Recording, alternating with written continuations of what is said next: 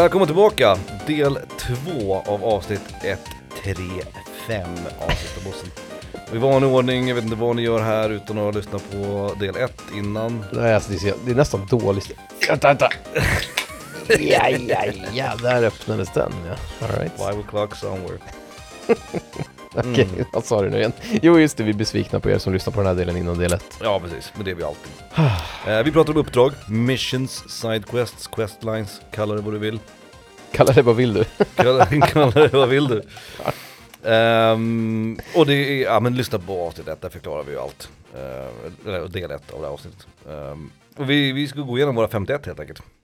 Eh, Mm. Har du något att tillägga? Eller kö- kör vi? Nej, men sitter, nu sitter jag ju bara och tänker på Alessandro Fuentes Bergström liksom. Mm. Men visst, vi kör. Vi Jag kör. visade honom för min sambo häromdagen, hon hade aldrig sett honom. Och min sambo är ju lärare i spanska. Hon tyckte det var hysteriskt roligt. Alltså det är så bra, det är så bra så jag vet inte vad jag ska mig. I mappar, i. Vad heter hans son? Eduardo? Eduardo. Eduardo. Mycket roligt, det kan vi ju rekommendera alla att eh, följa på Instagram om inte annat. Alejandro Fuentes Bergström. Ni kommer inte bli besvikna. Speciellt inte om ni gillar, alltså, om ni jag kan gillar inte ens- kontorsmaterial, då jävlar, då är ni fan i himmel, himmelriket. Men jag ska prata om tv-spel. Eh, min femte plats, eh, ett spel som jag pratar rätt ofta om, men inte så ingående om. Oj. För att jag inte Mm. har så starka specifika minnen från det här spelet utan mera allmän liksom känslan när jag spelade det, bla bla bla sådär. Det är en av mina absoluta favoritspel till Super Nintendo, Secret of Mana. Mm. Och här har vi då, ja det är ju hela titeln egentligen och på framsidan och allt, The, the Mana Tree. Ehm, som är, och här tänker jag faktiskt inte spoila någonting. Men Nej, det, här bra. är, det här är i slutet av spelet. Och man får reda på någonting här som man inte har förstått under hela, alltså storyn i Secret of Mana är intressant därför att den är tänker jag att det blir som Elden Ring. Ja, där, där, där ja, som man, eld upp träd. ja. Nej, men det är bra att du spoilar ett spel från förra året istället för att spoila ett spel som är 25 år gammalt. Typ. Men, ja, exakt. Men det är kul för Elden Ring, det finns ändå lite likheter här med, med Secret of Mana och Elden Ring. Det är det här med att storyn är inte så explicit i Secret of Mana. Utan alltså det är ingenting som, man får inga så här lore dumps eller liksom nej, någon nej, nej, nej, storyn. Man får pussla ihop det lite själv och man förstår lite karaktärernas motivation och bla bla bla och sådär. Så det är ju också ett äldre spel, det är från 92 va? Jo, jo, precis. Men det är inte, ja precis, dialogen är det inte, det är inte, eller det är inte uppbyggt på samma sätt som typ ett, ett modernt. Final Fantasy liksom. Nej, verkligen inte. Ehm, och, och, så det, det är en jävla twist i slutet ändå. Och det här stället är så jävla ja, fint kan du ju tänka dig, liksom. hela det här spelet är ju helt jävla underbart. Men det är i alla fall sista delen då i Secret of Mana, sista uppdraget man gör kan man säga. Och man får en, en revelation om, om spelet och om karaktären, om storyn. Um, och så är det bara allmänt jävla bra, det är, det är så jävla kul fighter i det här spelet också. Det är svårt och det är snyggt och det är roligt och det är ett av de absolut bästa liksom avslutningarna på ett spel. Mm, mm, mm. Eh, det, är, det, är liksom, det är high stakes och allt det där liksom. Plus att man har fått lite information som man inte hade någon aning om och sådär. Men jag gillar också det, att- just Mana 3-grejen, att det, det är ju, ja, men som i Elden Ring också, att, att det är liksom en typ en, det är en stor storybit och det är en McGuffin nästan. Och sen kommer man dit, då vet man att Ja. nu är det något stort, nu är jag här. Nu är det på gång, Det är det man liksom. snackat om hela jävla spelet, nu är jag här liksom. Exakt, Mm, det och, och det var så jävla coolt kommer jag ihåg när jag kom dit första gången när jag var liten. Det, åh, ja, det, jag ska inte spoila någonting för att även om det är ett gammalt spel, jag tror många har spelat det. Och är det så att man inte har spelat det så kanske inte är någonting man sätter igång och spelar. Så det kanske inte är någon, någon, någon stor spoiler, men jag Nej. tänker ändå, för det är ändå en ganska välbevarad spoiler. För du har ingen aning om vad jag pratar om. Nej, nej, nej. Och även om man kan mycket om tv-spel, man kan mycket om Secret Mana, just den grejen där, den är det faktiskt inte, det är nästan typ bara de som har spelat spelet. Det är nästan så att det finns en pakt för oss som har klarat eller kommit dit. Att Mm, liksom, mm, det- mm. det- Jag vet inte ens om det går, jo det går säkert att hitta på internet såklart, det är ju klart spoilers finns på internet. Men eh, om man någon gång i framtiden tänker att man Don't do kanske it, kommer att spela det, kanske, kanske, kanske, så håll er borta från den spoilern. Och är det så att ni aldrig kommer spela, då kan ni kolla upp det själva. Då har i alla fall inte jag varit ansvarig för spoilern. Så därför så är det, det uppdraget är, är jävligt viktigt för mig, alltså det är en stor grej. Och det är Mm. faktiskt någonting jag aldrig har pratat om i podden heller. Eh, och aldrig, aldrig spoilat eller så. Jag har ju nämnt det här tror jag någon gång för tidigare och säkert Mana har ju nämnt såklart. Men spoilen och vad som händer där i slutet, det tänker jag, det får ni, ni får spoila er själva eller så spelar ni spelet. Jag rekommenderar det andra. Mm, mm, mm. I will. Det är ett otroligt jävla spel alltså. Ja usch, usch så bra. Min, ah gud, du tjatar om det jävla spelet och jag kommer tjata om mitt nu då, fy fan. Mm. Fem. Alltså, det, Fem, spelet fem. fem. Hur många var de små dvärgar? Ja, exakt. exakt. Uh, ah, mm, mm, det är Valkyria. Mm. Operation Cloudburst, det är typ det är typ uppdrag 5 när jag tänker efter, något sånt där, något sånt, uppdrag 6 kanske, jag kommer fan inte ihåg. Månspräng. Eh, Det, det, är så här, det är då man inser att spelet är bra. Ah, Du vet, är det här första uppdraget till Ja. spelet där, det här känner jag till. Det här fenomenet känner jag till. ja, det, det är ingen stor spoiler, men de, de gör en cool surprise attack med sin tank som man precis har fått.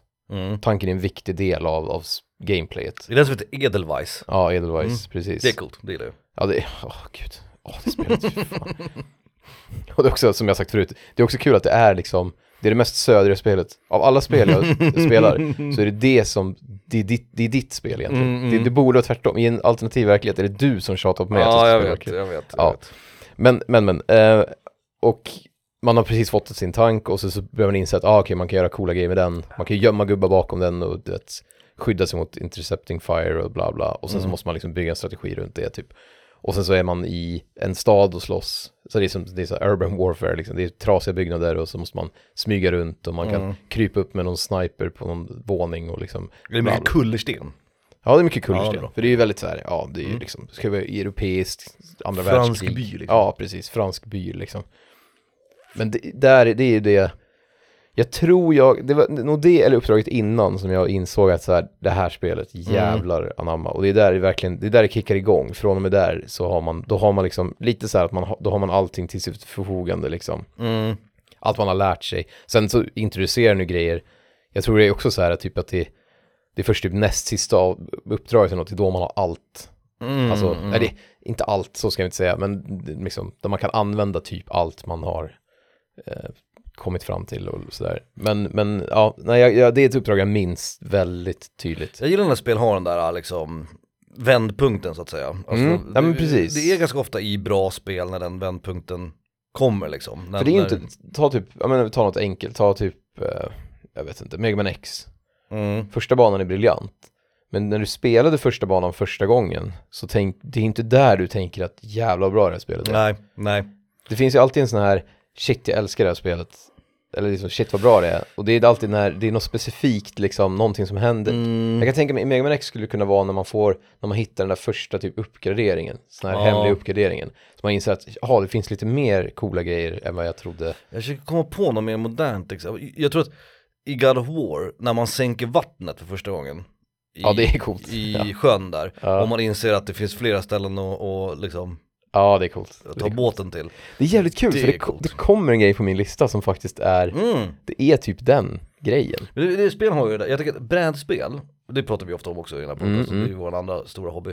Har ju också där ibland att när man har spelat i typ en halvtimme, så du vet, det, liksom motorn börjar gå igång, både, Precis. både fysiskt i kroppen, att motorn börjar gå, att man börjar förstå spelet, men också att spelet börjar klicka liksom. Ja, Att vissa spel har det där att liksom, både tv-spel och brädspel, att ah, okej jag, jag fattar det här nu, jag förstår vad precis. det här Nu, är bra. ah, jag kan börja göra kombos med de här Exakt, korten. Eller typ exakt. jag kan, ja. Eh, när det helt plötsligt blir, det har varit kul, men nu, nu blir det kul, kul liksom. ja precis. Jag förstår precis vad du menar. Så Ja. att det, det, det kan jag köpa till 100%. För det är ju så, när, vi, när, när man skriver en sån här lista, det har jag också tänkt på att det, det, var, det var, höll på att bli väldigt många sista uppdrag. Mm. Liksom att det är där det, det är mest som står på spel, det är liksom, det händer någonting Ja, coolt i slutet precis. eller någonting. Eller både och då, som i, i Mana, att det är både en twist och en... Ja, det är ju lätt att gå dit, för det är ju där Ja. det finns oftast liksom. Ehm, Men jag gillar den här, ja men typ som här i Valkyria, jag gillar det är liksom fjärde, femte uppdraget. mm. Det är lite som när man ser en tv-serie som, nu finns det inte så mycket bra tv-serier alls längre kanske, men när man ser det när man, när man inser att nu är jag fast liksom, Fem, Mm. fjärde, femte uppdraget, eller så här avsnittet typ. Gör ju, så de The Tull Volcano till exempel i, i Frontmission som jag pratade om i, i, i del 1, är också så här, det är mitt i spelet liksom. Mm. Super nästan samma sak, var också liksom mitt i spelet. Sen Mana Tree som jag nämnde och Temple Ship till exempel, de är ju i slutet men, men, Men det är samma, det finns ett XCOM-uppdrag nu, så- du snackade om XCOM tidigare, Mm. men, men jag har glömt, jag glömt om det var ettan eller tvåan till och med, så jag vet tyvärr inget, och jag kan inte förklara banan, men man är typ utomhus, och det ser ut som en cowboystad, det är som en gågata med så här, ja, jo det kommer jag också ihåg, jag kommer ihåg layouten liksom, det är, det, och så är det någon tågräls i slut, alltså längst, Ja. man börjar med ett staket typ bara, bondgård liksom, Mm, så det jo. typ en tågräls, jag kommer ihåg att det var där liksom spelet liksom kom, kickade igång för mig, det är typ tredje, fjärde uppdraget Mm, eller mm. något sånt där, att det var så här, och det var också ett lugnt uppdrag, det börjar inte med Alltså det är liksom som en skirmish mer. Ja, precis. Man går in och så bara, åh nej det är fiender där och så börjar det liksom. Det är, inte att, det med, det är inte att det börjar med högtradig musik och liksom Nej, något som sprängs lite, liksom. utan det bygger upp lite så här. Först, först går man runt och undersöker och sen börjar braka helvetet lös liksom. Ja men det är rimligt. Nej, men jag gillar sådana där eh, tillfällen. Och sagt, det finns även i brädspel och, och alltså, andra typer av spel också såklart. Ja, Eh, det finns väl i filmer och serier och sånt också, men att det kommer till en viss punkt när man, ja, man förstår det. det, liksom. klick, ja, det, Det klickar klickar, på något sätt. Men jag berättade om Elden Ring, att det var ju när jag, när, det fanns ett moment när jag gav den tia. Det var när, jag, när man kom till hubben och så får, jag en, får man en kram av hon Covenant-bruden. Mm. Alltså man, man kan gå fram till henne och snacka med henne och så ska, fråga om man vill ha en kram och så kan man trycka på ja Mm. och så får man en kram. Då, då är jag bara, det här är 10-10. det, var no, nej, men det var någonting med stämningen, alla Ja. karaktärer, allting. Det var någonting med så här, tryck på X för att få kramen och jag bara, det här är, det är 10 10 liksom. Jag var ju väldigt skeptisk till Elden Ring, ehm, med tanke på min historia med, med From Software och sådär. Eh, men jag tror att jag, jag började köpa det där vid eh, första slottet där, Stormvale. Castle. Ja, Eh, där någonstans började Jävlar. såhär, ja ah, okej det här är, det, det är ju kul. jävla liksom. coolt ställe, jävla bra. Svårt var det också, Ja. eh, i alla fall i början. Eh, nice, min plats nummer fyra, också mitt i spelet. Mm. Men enligt mig, den bästa delen av Breath of Fire 3 Det är den delen av spelet som kallas för Contest of Champions Ah, Och jag har valt den här för att den är, den är så Den är så arketypisk för JRPG, den här liksom tävlingen som finns. Jag älskar spel, gladiatorgrejen, där- precis, liksom, där ja. är en, det är en, alltid en gladiator-quest i main questen. Ja, Helst att man träffar någon karaktär där, som är typ, du vet, Xenogear sa ju du vet, man möter the champ, ja och, och, sen så visar det sig att han är skittrevlig och vi har ju Diaz i ehm, Star Ocean Just 2 det, Diaz. Och ja. i Breath of Fire 3 så är det ju här man möter Gar Ja, precis. Som är den coolaste karaktären, förutom Pekko, Eh, jag tror jag gillar Pekko bättre. Gud. eh, Löken. Ehm, Så är det ju Gar man möter här då i, i Breath of Fire. Och här också, nu ska jag, åh det här är också någon form av, nej det är fan ingen spoiler. För huvudkaraktären börjar ju för fan som en drake. Så man vet att han är en drake. Ja, att han kan, ja. Han är den sista av hans liksom, eh, hans sort, hans ras Han kan förvandlas till drake. I början så gör han det, han är ung när man börjar, han är barn när man börjar spelet Så han kan inte kontrollera det, men han lär sig kontrollera det mer och mer Och de kommer till den här staden eh, och det är två stycken så här, också comic relief skurkar som heter Bali och Sunder, kommer du ihåg de här? De är två Nej. hästar eh, Ja, De är bröder i alla fall, och de är så skurk, de är typ gangsters. Ja just det. Så de Jo, tjänar det, pengar på den här, de, de, Lite de, såhär Bebop Rocksteady fast Ex- hästhuvud. Exakt, exakt, Bebop Ja. Rocksteady fast hästar. Och de tjänar ju pengar på den här uh, Contest of Champions, alltså de, de riggar matcher liksom.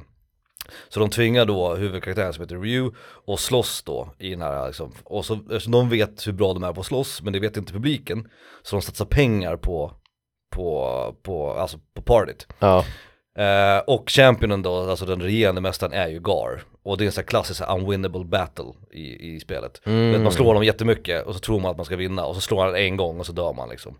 För den, den går inte att vinna. Mm, mm. Och det som är coolt här är ju då att Edgar är ju den sista av sin sort. Och de som jagade drakarna, eller som dödade alla drakarna. Och han inser ju att huvudkaraktären är en drake. Så att han får ju välja pris, när man vinner den här så får man välja pris. Och då väljer han deras frihet liksom, att de får gå liksom eh, Och så joinar han partyt då, och då tar han med då Ryu, huvudkaraktären, för att visa och berätta om, du vet Det här är ditt legacy, det här är din, ditt arv och sådär. Mhm, Eh, mm. och det är jävligt coolt, så allting, liksom storyn får fart på riktigt där. Och det är den roligaste delen av spelet tycker jag. Ehm, Förutom kanske precis i slutet, det är också väldigt kul. Ehm, Det är den roligaste delen av spelet och det är en av de viktigaste liksom, vändpunkterna för storyn. Och man får den en av de coolaste RPG-karaktärer, JRPG-karaktärerna någonsin. Och det är också här som världskartan öppnar upp sig lite grann också Så man kan gå och fiska och du vet, man kan gå tillbaka till en tidigare by och sådär. Ja. Det är verkligen där spelet liksom blommar ut. Eh, så det är Contest of Champions i Breath of Fire 3 Och det här är fan ett spel, varenda gång jag pratar om det här spelet Stort. så, så blir Ja, jag, så, jag blir så jävla sugen på att spela det här spelet igen. Jag älskar jävla Jag Breath 3. sugen nu, Ja, för- det är riktigt, riktigt bra. Så det var min eh, plats nummer fyra, Contest of Champions i uh, BOF 3 Fy Boff. Ja, boff ja. BOF 3 Eh, min, min fyra. Jopp. Eh, det här kan vara, det skulle kanske kunna vara en, en eh, crossover. En crossover, ja okej Ja, nej men nu, nu blir det ju, nu- alltså nu blir det verk, nu, alltså på pulvermos, nu blir det verkligen pulvermos. Oj då Det blir, det blir, det blir Karins lasagne. Ja, Lasange Suicide Mission Mass Effect 2. Det är min trea Ja. Så jag kan ta den på en gång Ja men då kan Suicide vi, Mission Mass Effect 2 Ja. ja. Jag tycker, om- ja, det, så här då. det, jag kollade faktiskt på en YouTube-film om det, Mm. eh, just det uppdraget. Och jag, jag, då sa de massa grejer som jag inte hade tänkt på, att det, det är cool. Det, anledningen till att man kommer ihåg det och för att det är väldigt kul, det är inte för att det är det här uppdraget som Mass Effect har, att beroende på vilka val man gör och så här så kan folk dö. Mm. Och, det och, och sen är det ju verkligen så att de är borta i nästa spel och så där.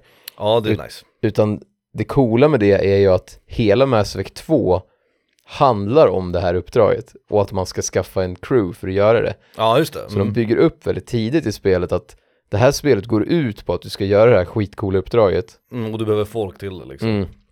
Och sen blir man ju inte besviken. Det känns som att det är high stakes, det är cool Mm. musik, det är en presentation som är helt jävla enorm. Det är så här, de coolaste miljöerna, de coolaste bossarna, Mm. Allting som händer där är ballt liksom. Och det är massa story. av budgeten lades där alltså. Ja, Mm. och det är så fint för att man har ju förtjänat det eftersom hela spelet har byggt upp till det här uppdraget och så är det så coolt Mm. och så viktigt och stort som man vill att det ska vara, typ. Mm. Och det tycker jag är så jävla snyggt, för det skulle ju bara kunna varit att så här, ja, du vet, gå i den här korridoren och skjut folk där borta och sen är det klart. Ja, Och så tänker man, vad fan, det här är ju, det är hela spelet har ju byggt upp för det här liksom. Men, men att de lyckas då göra det till så, ett så pass coolt uppdrag, att det, det förtjänar liksom att vara det, det de har snackat om hela spelet. det ska vara liksom. klimaxet i det spelet liksom. Ja. De hade inte kunnat gjort det på något annat sätt heller. Det- Nej, det men att, att, det, att det bättre, just liksom. funkar, att det är så, det Det är ett det, kul uppdrag liksom.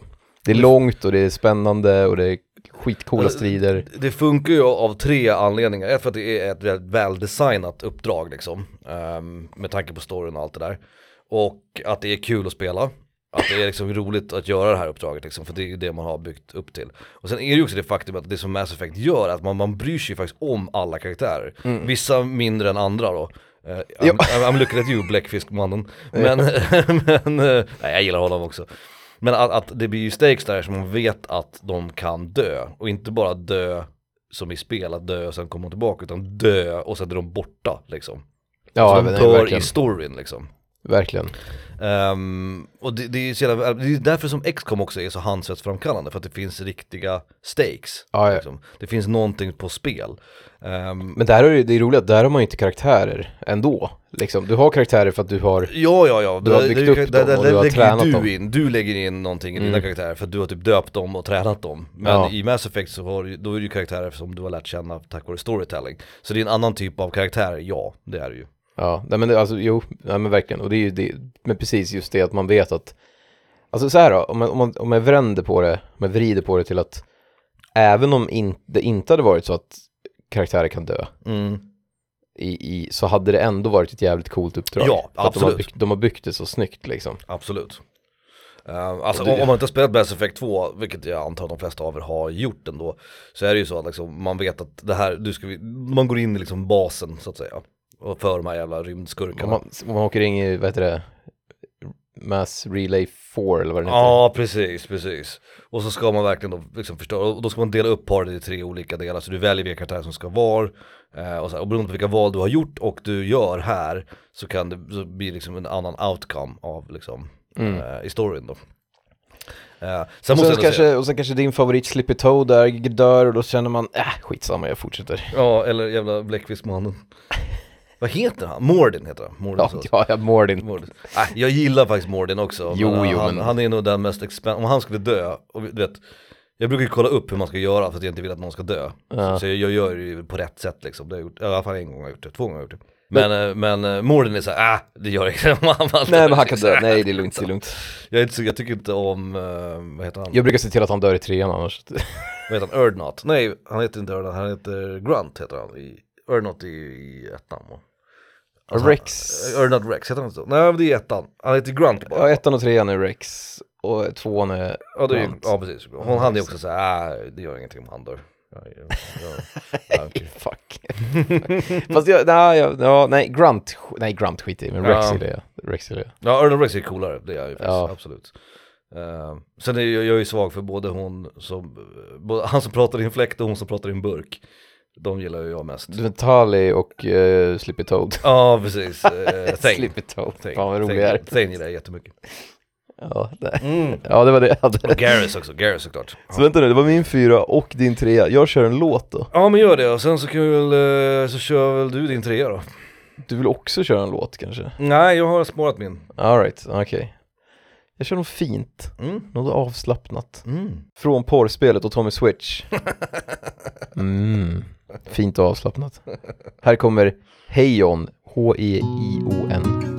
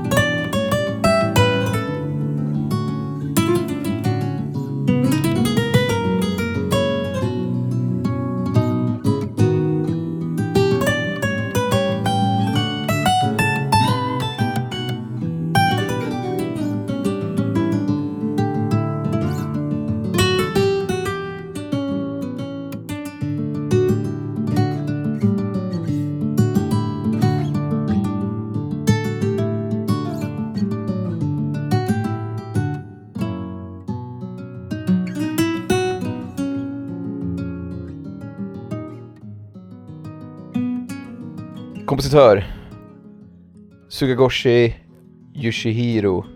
Han är väldigt bra. Det hörde ni. Det är väldigt fint med så här gitarr.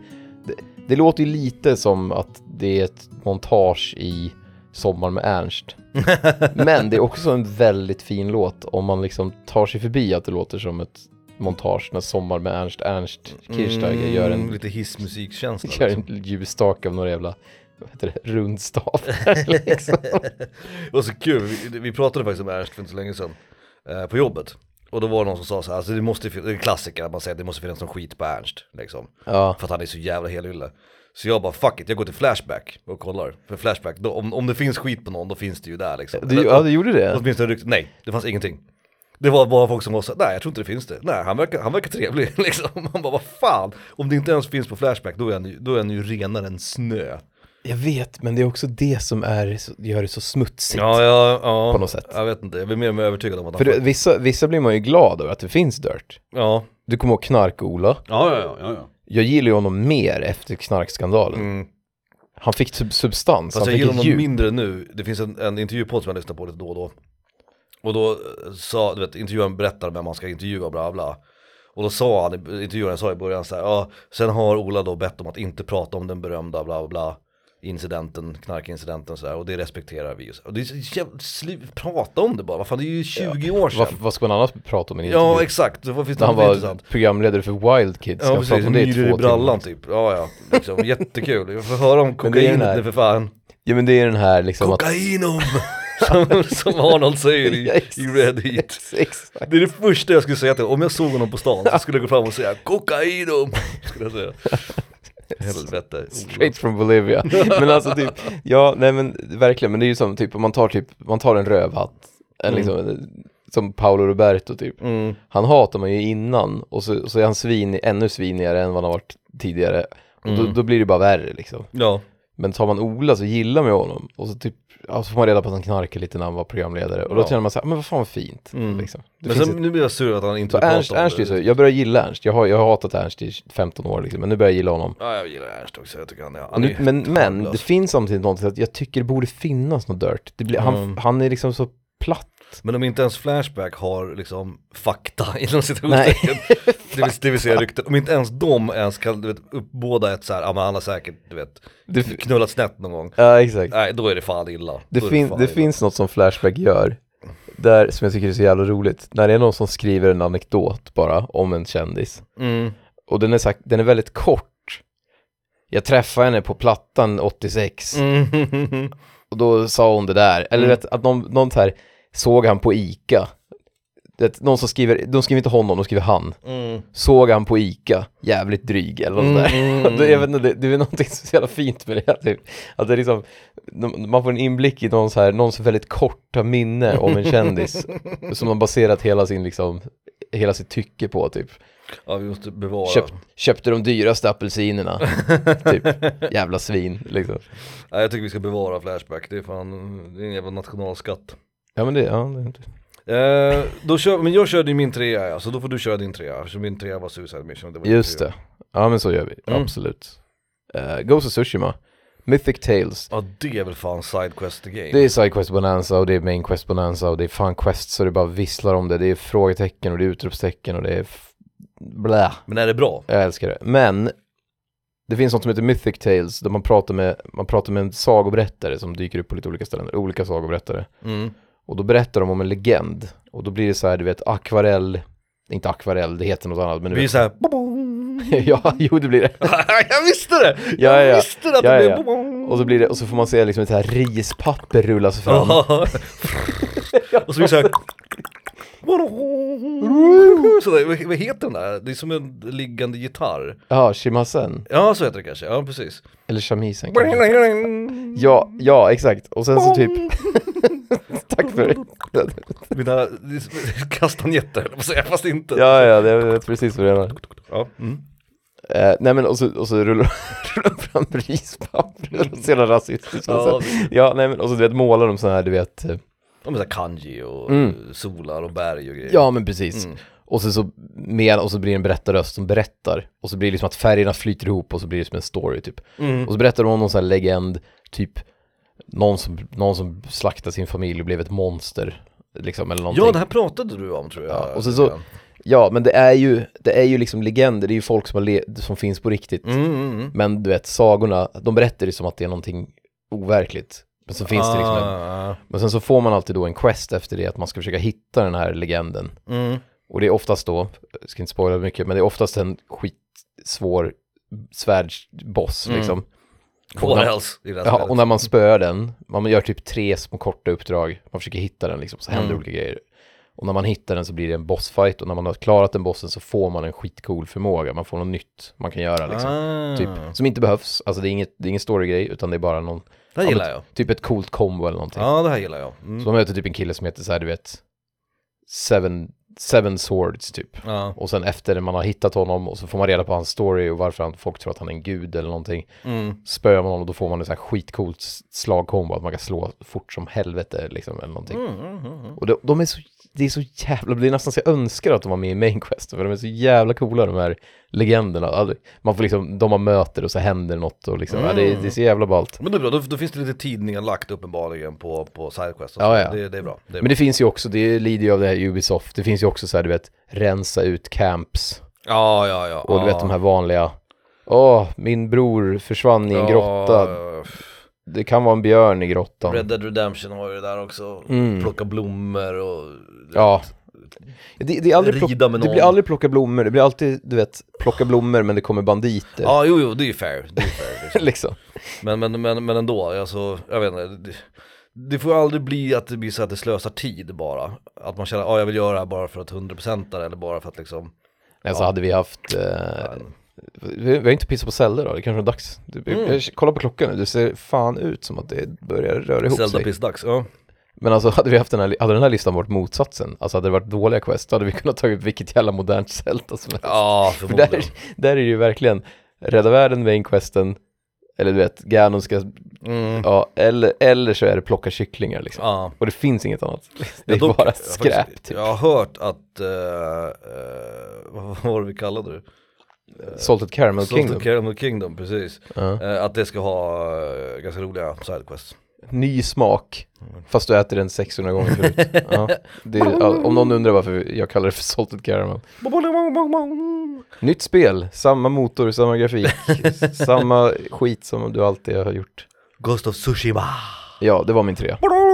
Mythic Tales.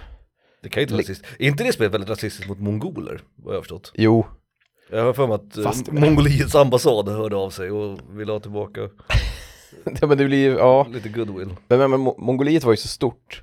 De hade ju hela Kina, så att hela, hela Kina är ju inräknat där egentligen Ja. också. Och eftersom det var 1200-tal så känns det som att det är ändå så här, du vet, Men de Det är var inte- ju inte så jävla trevliga. nej, Alltså, det var nej, de nej, inte. nej, nej, de spikade upp huvuden på pålar och de tog Exakt. över hela jävla Asien liksom. Exakt. Men, Så de det är kanske- också, men det är också så kul att de är så här, det är så jävla blatant så här, nu ska vi döda de jävla mongolerna liksom. Mm. Men jag tycker ju, lite som knark-Ola, knarkskandalen gör Ola till en roligare person, så tycker jag att det gör spelet mer intressant än om de hade bara varit så här demoner, Ja, ja, ja. eller zombies eller något skit. ja det här är ändå det är historiskt korrekt. liksom. Ja, Så- och, liksom, och det känns ändå okej, om det var så pass länge sedan, så känns det okej att man sidar med en av, Ja, det är sant. Om, om med tanke på vad som hände och du vet, Genghis khan och hela den grejen liksom. Ja men liksom jobbar man med våldtäkt och erövring och det, då känns ockupation, Huvuden på pålar liksom. ja då känns det som att det, det är okej om man får spela så. Det är, ingen, det är ingen som gråter för stormtroopersarna på Death Star heller. Nej, nej, nej, nej, nej, det är sant. Det är sant. Eh, min plats nummer två är, jag vet inte om du anser det här vara missions, jag gör nog det. Eh, och därför blev det, för det här kan man också säga är egentligen en bana-ish. Nu lägger ju du upp det för att jag ska automatiskt gå emot det här. Gruvan i Resident Evil 4. Mm. Alltså Resident Evil 4 är ju uppbyggt i chapters. Jo, jo. Ehm, Och om det är ett chapter så tycker jag att det, man kan kalla det för en, en För det är ju precis som Devil May Cry, The Resident Evil 4 skulle ju varit ett Devil May Cry, bla bla, allt det där. det Ja. vet ni. Så det är förmodligen därför de har behöll det här liksom, chapter-systemet. Och det är ju samma i remaken också, det är ju samma liksom, chapter-system. Jag hade Eh, tänkt på att fyran är det första liksom. som har chapters. Och hela spelet är ju ett mission, han, har ju, han är ju on a mission så att säga. Jo, visst, visst. Ehm, och det här är ju en del liksom av uppdraget, jag vet inte. Nej, men jag tycker precis på samma sätt som du kan säga att slottet är ett, ett mission. Ja, liksom, det är ju en här. set piece eller så här, Ja, men säga. precis, precis. Det är en bana, det är en del av... Och gruvan har växt på mig. Alltså jag gillade inte gruvan förr i tiden. När jag, när, första gången jag spelade Resident Evil 4 så var gruvan så här. "Eh, eh." jag gillade slottet bäst. Det är ju klassiker, det är det nog de flesta gillar tror jag också. Mm, mm. För det är coolt, man kommer ut i byn och så kommer man in i det här coola slottet liksom. du menar gruvvagnarna och det där liksom? Ja precis, precis. För du har ju de stora setpiecesarna i Resident Evil 4 och det är ju, det är ju byn, och sen är det slottet, och sen är det ju ön. Det är ju liksom de, de, de tre Alltså man- stora liksom, ja, precis. Ja. Men däremellan har vi ju några, några små saker och där har vi ju gruvan.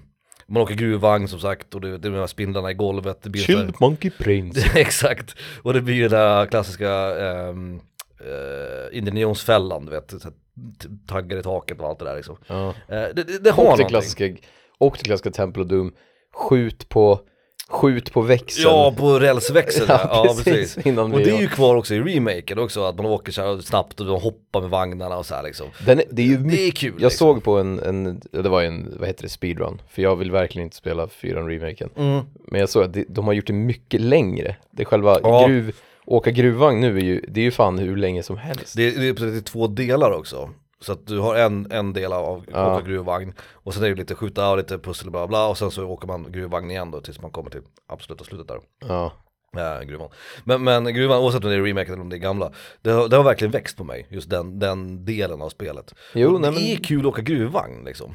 Jag tycker att det är kul. Även om det inte är jätteroligt i spelet, varken i remaken eller i gamla, så själva liksom gruvvagnsåkandet är ju inte liksom, liksom det primära där. Nej, nej, nej, men nej, men jag, visst, jag gillar liksom, jag gillar miljön, jag gillar liksom stämningen där, jag tycker att det är lite mysigt, det är lite mittemellan de här två större set piecesarna. Um, Det, det, det måste jag säga, om, apropå Resident Evil 5 då. Mm. De har ju också lite så här, de har ju det där Indiana Jones-templet. Mm, mm. De har också en gruva. Ja, Den, men, det, jag vet inte om du minns, men när man kör Mercenaries, då är det det där stora Ja. gruvrummet. absolut. Det är ett de av har mina hittat blomman där va, som eh, hela viruset kommer ifrån. Ja, men precis, Och, precis. Bärnsten eller vad fan det är, det är någon skit. Ja, Precis, men typ, ehm, men det, det finns ju dels en gruva och sen kommer man till Indiana Jones-templet. Mm, Men gruvan är ju där, du vet, där man kör Mercenaries, det är som ett stort rum med typ någon pump eller skit i mitten. Ja precis, så kan man gå upp som i en spiral typ och så är det trappor ner och så här gångar in typ. Ja, precis. Ja, jag vet precis. Och Ja. det rummet, jag älskar det stället alltså. Ja. Just där, inte innan, för då ska man ju gå runt med den här ficklampan och det, och så kommer det sån här, Ah, det är inte så kul. just liksom. det, Men just när man kommer in i det där rummet, då tycker jag det är skitkul. Ja. Det, är som en, det är som en stor arena liksom. Gruva är kul, vi har, vi har inte haft topp 10 gruvor än. Det skulle vi fan nästan kunna ha. Eh, eller har vi haft det? Jag, jag minns, har vi haft grottor väl? För grottor och gruvor är fan nästan samma sak. Jo men det är det väl. Har vi haft grottor? Jag vet inte om vi har haft grottor. Det kan, ja, det kan bli ett framtida. Jo det har vi, jo, eh, nej. Jag är, redan, jag är redan nu trött på det avsnittet, jag är inte ens... Snacka om stövel. Idén har knappt Vi formats. kör en låt istället. Eh, jag glömde nämligen köra en låt när jag pratade om uh, Secret of Mana. Ja. Eh, så vi kör den nu. Och det är en koppling till, till eh, Capcom i alla fall och till, eh, till uh, Resident Evil och sådär. För att det är Yoko Shimomura. Inte från Secret of Mana utan från Legend of Mana. Vi, du vet, vi har ju klassiken där att det är hon från Redneck som sjunger Annika... svenska introt. Ja precis. Ja. Eh, men det är Yoko Shimomura som har gjort musiken till Legend of Mana. Eh, och det är ett soundtrack som jag har så här små lyssnat, lyssnat lite på när jag åkte buss här i dagarna. Eh, väldigt mysigt soundtrack, Ja, ja. Legend of Mana. Finns mycket bra. Eh, så vi kör Yoko Shimomura från Legend of Mana, inte Secret of Mana då. Eh, så kör vi Wanderers Path.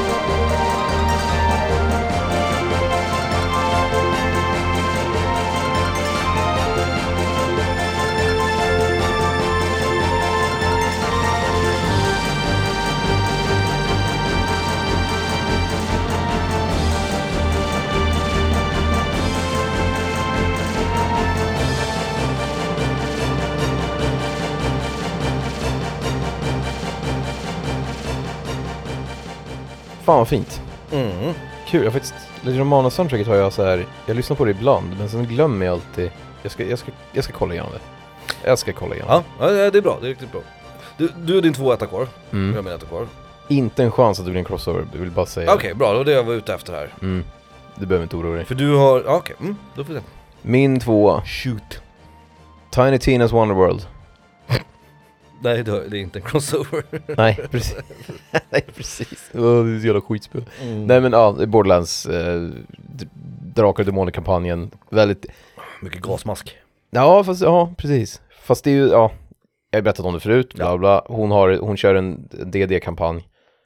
Så att spelet är väldigt kul berättat för att hon, hon pratar ju som en DM i bakgrunden Mm, ibland. mm, mm. Och så ändrar hon grejer. För att hon är så jävla dålig DM. Så att de är såhär, men vadå? Blir det ingen bossfight? Och hon bara, Mm. jo men det blir det och så kommer en drake typ. Ja, ja, ja. Och sen bara, "Jaha, ska vi slåss mot en drake igen? Och hon bara, nej, och så dör draken. Och så bara, ja men då kommer, den, Mm. så kommer den här istället. Alltså du vet, och det, det blir väldigt kul i, i questen liksom. Och då finns det ett tillfälle, det finns ett, ett, ett main quest som heter Emotion of the Ocean. Där, precis som i God of War, Mm. typ, så, så kommer hon inte, man har låst liksom, man, man går ju runt på en världskarta, det blir som ett JRPG. Så Mm. Man ser en liten världskarta liksom. Och då kommer man på att så här, fan man kan inte, vi kan inte ta oss vidare, den är låst nu liksom. Mm. Man har upptäckt en liten del av världskartan som man kan gå runt på. Och då för att ta sig vidare så skjuter man, eller hon då berättar att ja, men de skjuter liksom 25 000 atombomber typ. Så man står och ser så här när det kommer ner massa raketer och så spränger hon havet. Så att det är ett stort hav liksom. Mm. Och då sprängs hela havet så att allt vatten försvinner. Och då kan man liksom gå ner Ah, ah, Ja. här du pratade om. Så det blir, som, Ah, det blir ju typ som God of War då, att man Mm. kan gå ner och då liksom finns det massa nya ställen och då kan man komma upp på så öar och sånt man inte har varit på innan och så Ah, här. okej, okej. Och så går man runt på massa, du vet, koraller, det blir väldigt cool, väldigt coola så här banor liksom. Mm. Men just den här, jag kommer ihåg liksom att det var så jävla, ah, jag ska inte säga episkt, det låter töntigt, men det var ett stort moment. för för alla, alla cutscenes är ju in-game, alltså man tittar ju bara själv liksom. Ja. Vet. Och, och det är ju FPS liksom, det är ju first person. Mm. Och det var så jävla kul när man ser det bara, och så säger hon typ så här, de spränger med en skitstor bomb och så bara, men det skulle inte räcka och så säger hon, men det, det kan ju inte räcka liksom. Hon bara, men 200 sådana bomber då, eller så här, och så blir det fler liksom. Och så bara sprängs allting. Och sen så, Fan att Borderlands fick dig ändå alltså. Mm. ja men Borderlands, Mm. alltså så här då, jag, jag, Borderlands 2 hade jag väldigt kul när jag spelade, men jag, jag har faktiskt svårt att komma tillbaka till det. Okej. Det är någonting som tar emot nu, det är lite för töntigt. Det känns jävla internethumor på något vis. Ja, ja, det är inte, Ja, det är väldigt så här, Det tar lite emot. alltså helst ska man ju vara 16 när man spelar det. Jo. antar jag. Och Jo. det är också då det är roligast med loot, looter shooters liksom. Ja, Sorry alla ja. Destiny-fans liksom. Ja. Men, men Tiny Tina har, det har ju någonting för att det presenteras på ett så jävla roligt sätt och för att det är liksom, och för att det är, det är ju fantasy, Ja.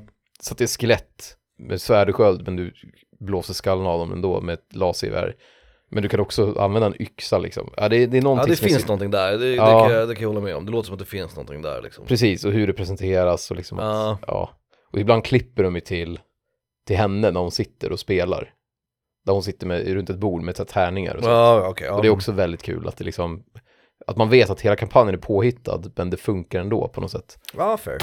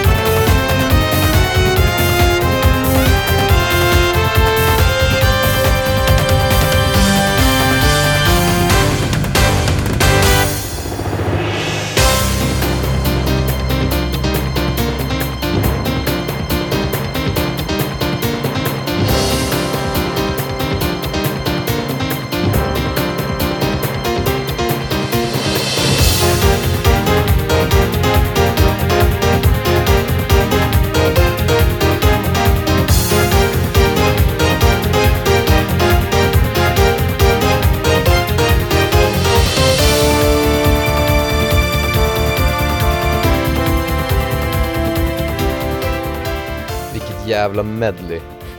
Michiko Naruke, Wild Arms 4, The Fourth Detonator. Alltså den här är, den heter Critical Assault, låten. Och den påminner mig om, det är som Michiko Narukes variant på Bombing Mission. Mm. Det är liksom en lång, så här spännande låt som har, som har väldigt många olika delar man tycker om. Ja, det är som ett, typ ett medley liksom. Mm. Så sorry alla för att jag kör den lite längre än vad vi, vi brukar inte spela musik så här länge, men det, ja, det är så jävla mycket bra grejer i den där. Ja men det är väl rimligt. Och Michiko Naruki som du vet, hon har ju, Jo tack. ja, Henne känner vi till. gud i himlen alltså. Alltså hon, vi, vi visslar ju till introt i Wild Arms, tyckte Wild Arms musiken Ja. var bra liksom. Men det är hon också, har ju växt, alltså hon har ju växt från att bara vara så här en, åh, en rolig cowboymusikbrud Ja. till en av mina favoritkompositörer. jag skulle säga det, för cowboymusiken är ju jävligt tacksam. Alltså Mm. vissla med och du Mm, vet. mm, mm. Jag, jag har ju börjat spela Hearthstone igen och den senaste expansionen till Hearthstone var ju så här vilda västern themed Så att det har ju varit, det är mycket så här, du vet, how the partner, whatever, du vet Ja, ja. Hela, det- hela det temat har liksom gått in i spelet Eh, Och där finns det ju, i Hearthstone så spelar man på olika bräden, de är ju randomly liksom Ja. eh, assigned Eh, Och där är det ju en så här, men så här, du vet, en västernlåt Och jag kan inte låta bli att nynna med liksom, när den kommer. Fan det- fint, det- det kanske man ska köra här. Det finns någonting med liksom, med Mm. västern-temat liksom. Men med det sagt Samma med Plants vs. Zombies, när man, i tvåan när de har vilda västern Ja exakt, De har jävligt cool exakt det är det jag menar. Men även med det sagt så är det ju ändå, det är ju inte därför Wild soundtracken är bra. Nej precis. För att de är västern, västern, utan det är för att det är hon som har gjort dem liksom. Ja, Så ja men verkligen. det, det är ju, det är där, det måste man göra en viktig distinktion Men jag tänkte på det nu när jag, när jag kör det här Tales of Rise, som är Motoi Sakuraba. mm. Och han är ju, han har blivit väldigt tråkig på sistone tycker jag. För att Mm. jag har inte hört en enda bra låt i det där, och jag har ju spelat vad, 80 timmar kanske nu i Mm. RPG liksom. Mm. Och det är ju lite så här, vad fan, medans ja, hon gör det, nej jag vet inte. Det är liksom, hon, hade, hon, hon var more than meets the eye, så kan vi säga. Ja absolut Eller er då kanske. Ja, just det eh, Recap eller? Ja, det blir Jag börjar. Kör 10. Days Gone. O'Brien Questen. Skyrim. Thieves Guild. Nionde plats. Åttonde plats. Dragons Dogma. Eh, för att alla sidequests, för de känns som riktiga quests. Sjunde plats. GDI Mission 15 från Command Conquer. Sjätte plats. Gwen Conquer menar Conquer. Sjätte plats. Hogwarts Legacy. Sebastian Sallow. Hela hans questline. Speciellt slutet. Femte plats. Operation Cloudburst. En, en bana i Valkyria. Inget mer än så. Fjärde plats. Suicide Mission. Mass Effect 2. Ja, Mm. vad, vad ska jag säga. Tredje plats. Ghost of Tsushima. Mythic Tales. Alltså legend. Hemliga legenderna. jag vet inte vad jag Ja, jag vet inte. Jag vet inte vad jag försöker säga. Men det är som att varje gång man säger något med ris, typ rispuffar, mm. riskokare, Mm. det känns rasistiskt. Ja men det är ju inte Bara, rasistiskt nej, men- nej, nej, nej, men bara jag säger ordet rispapper så känns det som, ah, skitsamma, Ja, ja, ja. skitsamma. Och speciellt när du gör det jävla Ja, men det soundtracket. låter ju så, det är ju precis det, är exakt så där det är Jag har spelat Okami, I, I know this det, är, samma skit. Mm. Två, andra plats, Tiny Tina's Wonderworld. Ja, det var mina. Gränslandet Gränsland. Eh, Min tia var Riddler Missions, eller Riddler Puzzles från Arkham-serien framförallt uh, Batman Arkham City Min nia var eh, Drömmarna i Alundra Jag tycker inte om att säga Alundra, jag tycker det låter fult Ja, det låter, det låter typ svenskt. Ja, Alundra Alundra Jönsson liksom. Ja, precis. Banana Jöns. Eh, The Temple Ship från XCOM eh, Enemy Unknown var min åttonde plats. Min sjunde plats var Tal Volcano från Front Mission 3. På sjätte plats hade jag Super Gornest från Doom Eternal. Femman var Mana-trädet från Secret of Mana. Fyran Contest of Champions, Breath 3. Trean var våran crossover då, Suicide Mission från Mass Effect 2. Och min andra plats var Gruvan från Resident Evil 4, både originalet och remaken. Nu tänkte jag på det där med Alundra, att det, låter, det är ju det, saker som låter som ett svenskt namn blir ju osexigt på något sätt. Ja, Och då kommer jag osökt att tänka på våran vän Oscar, som hade en idé att han skulle döpa sina barn till Ica Basic för att det låter som ett namn, mm, och Veranda för att det låter som ett namn. mm. jag kommer ihåg att han också, han, han propsade också på namnet Panett. Som, i- Som du vet, fiskpanett. Fiskpanett. Ja, det För låter ju Panett- franskt liksom. Panett låter ju som ett, det väl som Anette eller Jeanette. Det Mm, låter ju som mm. ett, ett svenskt, Panett Andersson liksom. Veranda gillar jag i och för sig. Jag tycker Veranda är också Det skitbra. låter ju väldigt så här latinamerikanskt och veranda. Ja, men systrarna Veranda och Panett liksom. Ja, ja, ja, herregud. Ja, jag bara Alltså, ingenting skulle det. förvåna mig nu. Alltså, jag, är som lärare så ser man ju en del namn som man undrar hur föräldrarna tänkte. Det är inte Oden och Diesel, men det är, det är nästan där liksom. Metallica och... ja, vi är nästan där. Eh, min plats nummer ett, jag borde nästan kunna gissa, eller? Det är, alltså- mest, det är mest klassiska, mest tråkiga. Jag satte det på första plats och sen gjorde jag resten av listan. Red Dead? Nej, Uh, mer klassiskt. Ännu tråkigare. Åh nej. Jo, Men är det bara ett bra spel nu? Vi snackar alltså det är ett bra spel, ja det är. Ja men är det så här ett av de bästa typ? Ja, Nej jag vet, jag vet inte, bland det sista typ. Nej. nej. Du nämnde det i förbifarten när du pratade om Suicide Mission. Om Panett. Om planet, ja precis. Eh, du nämnde det i förbifarten. Nej, du nämnde ju när du pratade om musiken. Uh, nej. Förlåt nu. Bombing Mission. Ja ja, Fråga efter alright. Det är, Vänta nu, så det, det är Bombing Mission? det är Bombing Mission som Ja, är med. bra. Nej men den är ju bra. Det är ju skitbra. Och det är ju liksom, det är, det- alla vet, alla vet höll jag på att säga. Jo men det gör Det, alla. det är introt till FF7 Eh, De gjorde en jävligt cool twist på det i uh, remaken Eh, Snark, men visst. Jävligt coolt Ja. Eh, Alltså slåss mot den här skorpionbossen är fortfarande Kokaina. kokainom Ehm, Har du sett den scenen? Det borde Ja, men det var länge sedan, Ja, det var länge kolla på sedan. youtube, jag tror Ja. det är från filmen Red Heat han, han, in, han har, är ju en jävla polis och han har kommit på att det är en snubbe som smugglar kokain i sin benprotes Så han, han ställer sig framför honom och tar av honom benet typ och så Häller ut häller ut det så säger han Kokainum! säger han, som bara Arnold kan säga. Det är väldigt roligt. Um, Jo, Bombing Mission. Eh, I originalet asballt såklart, musiken, du vet, stämningen, allt, det är jävligt coolt.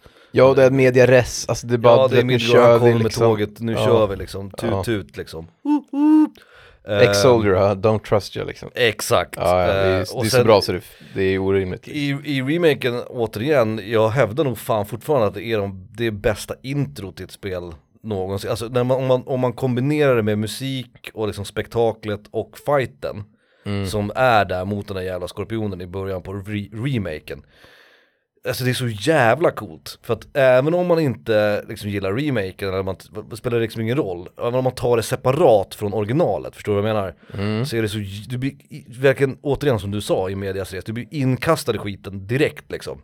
Inte bara storymässigt men också liksom gameplay och game me- mechanic mässigt Mm. Eh, Det är en svår fight liksom, de, de sparar verkligen inte på något krut alls. Det så här, Och, och för, också för jag hade aldrig sett det förut, heller. Alltså Nej. det var ju också något nytt i spel.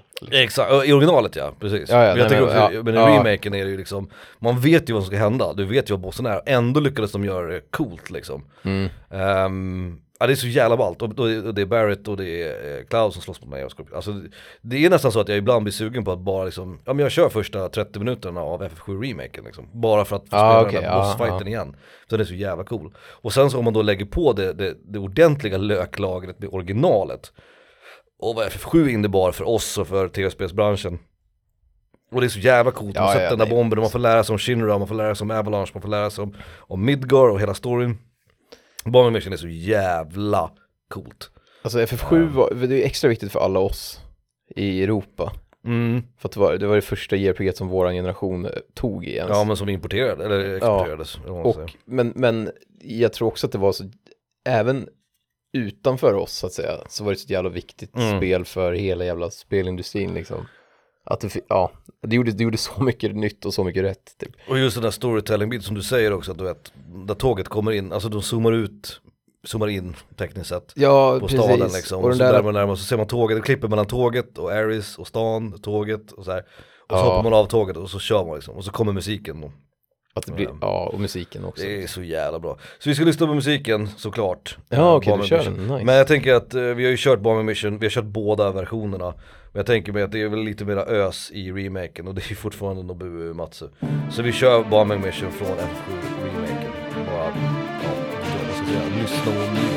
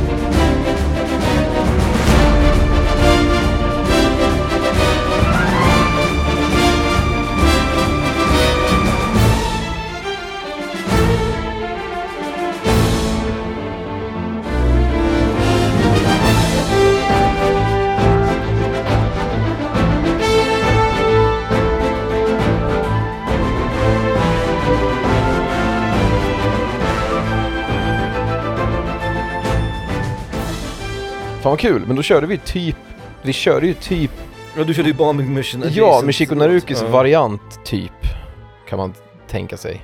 Nu vet inte jag vad som händer i One Horse 4 i och för sig, men det är en annan jävla Jag ska fan, nu i veckan Så ska jag köra den där jävla bossen Jag tror du skulle säga Wild Arms. Nej det, det jag Horse är kul, men jävla kne... Det är jävla...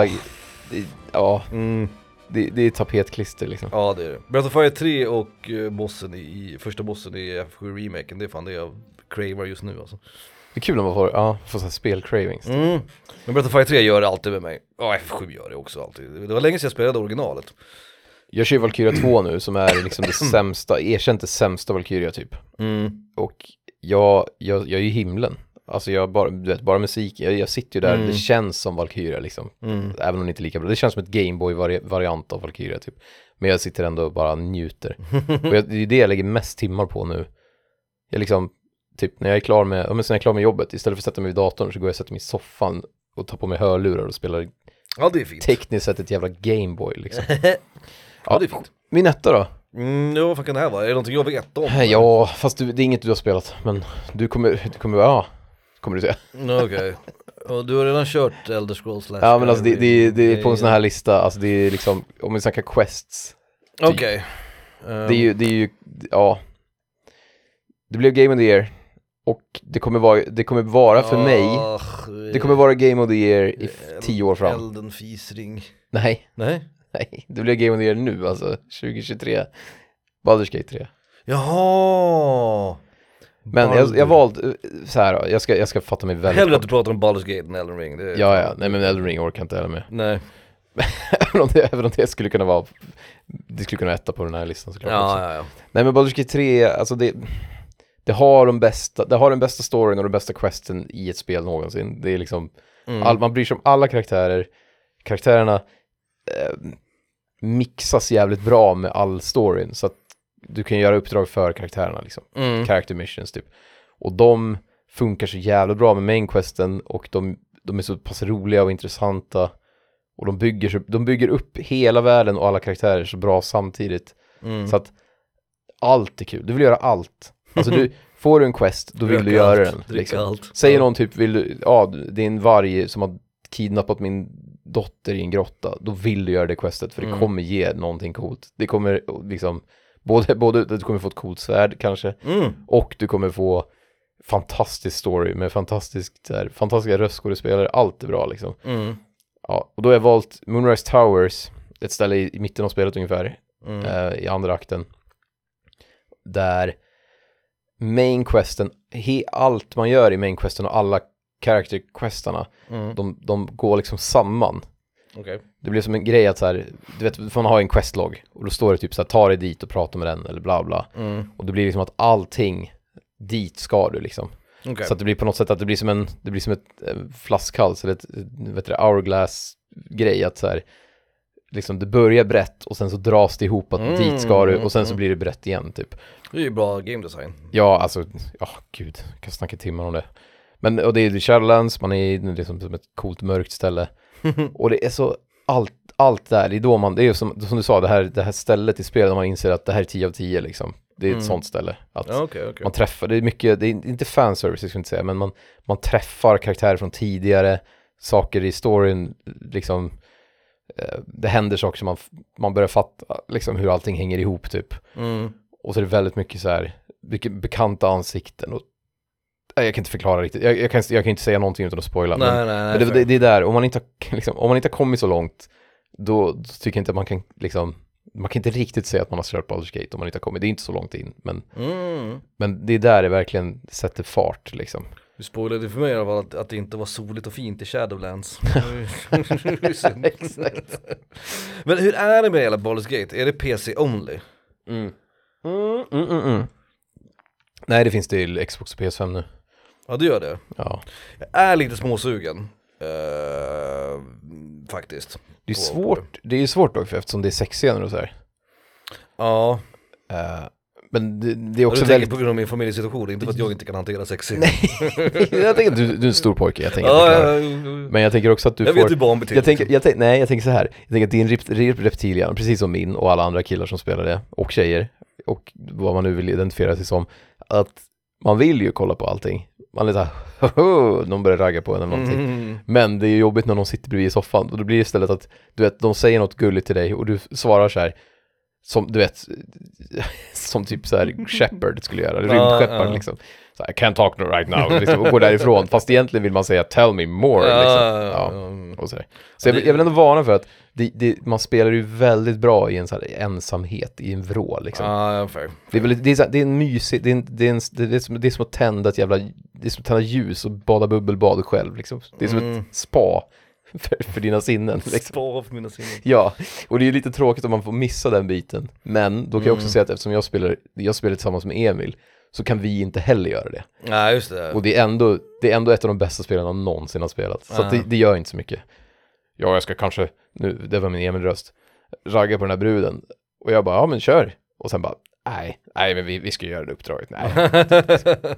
Men ingen, ingen riktigt vågar liksom. För det är lite, så här, lite för, vi sitter två år i så här, ah. Ja, nej, det kanske blir lite för mycket kanske. Det är som att du skulle högläsa, du vet, Daniel Steele.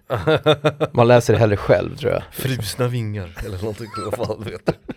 Nu hittar jag bara på, men det är inte omöjligt att det finns en Daniel Steele-bok som heter Frusna vingar. Det skulle inte förvåna mig. Det är mycket, mycket trevande händer. Ja, ja, jag förstår. Mellan dig och Emil menar du? Ja, verkligen. Där också. Mycket trevande. Ja, det var min etta. Baldur Ja, 3. nice. Det är liksom, Ja. Men jag är lite småsugen på Baldur's Gate, det kanske kan bli ett, ett projekt som jag ska faktiskt ta. Och Dragon's Dogma är jag lite sugen på och, eh, och kolla upp också när det kommer. Problemet är ju nu också att Tekken 8 har ju släppts ganska nyligen. Ehm, och det är ju väldigt stort i vår förening. Och jag, ju mer jag ser det spelet, desto mer sugen blir jag faktiskt Mm. Man blir plocka igen, liksom. Tekken igen. Ja. ja, Och man ser Lå, du vet, och han ser ut som han gjorde i Tekken 3 fast det är inte samma Lå, bla bla. ja. Men du vet, man känner igen moves och så här Och då blir man lite så här, fan kanske ändå. Så jag ska ge det en chans. Problemet är ju att spel nu för tiden, jag har pratat om i den här podcasten, att jag är inte så jävla sugen på att betala 900 spänn för ett spel som jag inte är säker på att jag kommer att spela speciellt mycket. Dels det. Men nu har vi ju föreningen så jag tänker Sen är det också att fightspel är en stor grej för dig. Och att det blir, Ja. blir ytterligare ett spel du ska träna på och bli bäst Ja på. precis. Ja, är- Du kommer ju inte casual, du kommer ju inte köra, du vet, main questen bara och sen sluta ju- spela det liksom. Investera det. Precis, så Ja. det blir ju som att du ska helt plötsligt så här bli bäst på ett nytt spel liksom. Tydligen så ska storyn i, i Tekken 8 ska tydligen vara riktigt jävla anime bananas. Alltså det är, så tänka- vet, det är så här, du vet, änglar och demoner och månen är inblandat och grejer. Åh men gud. Det- Det, jag, jag har ju slutat med tecken av två anledningar. Dels för att eh, Street Fighter 4 mördade tecken för mig. Mm, Och framåt då antar jag. Street Fighter mördade tecken, så kan vi säga. mm. Sen, sen är det också, de har för glansiga kläder. Punkt. Ja det har de, det har de. Vad vissa- gör de här Vad gör Namco? Vad håller de på med? Bedrövliga ut Men alltså det är helt, hur kan de göra ett spel där karaktärerna ser ut sådär? Det Jag- blir bara värre och värre. Jag vet inte.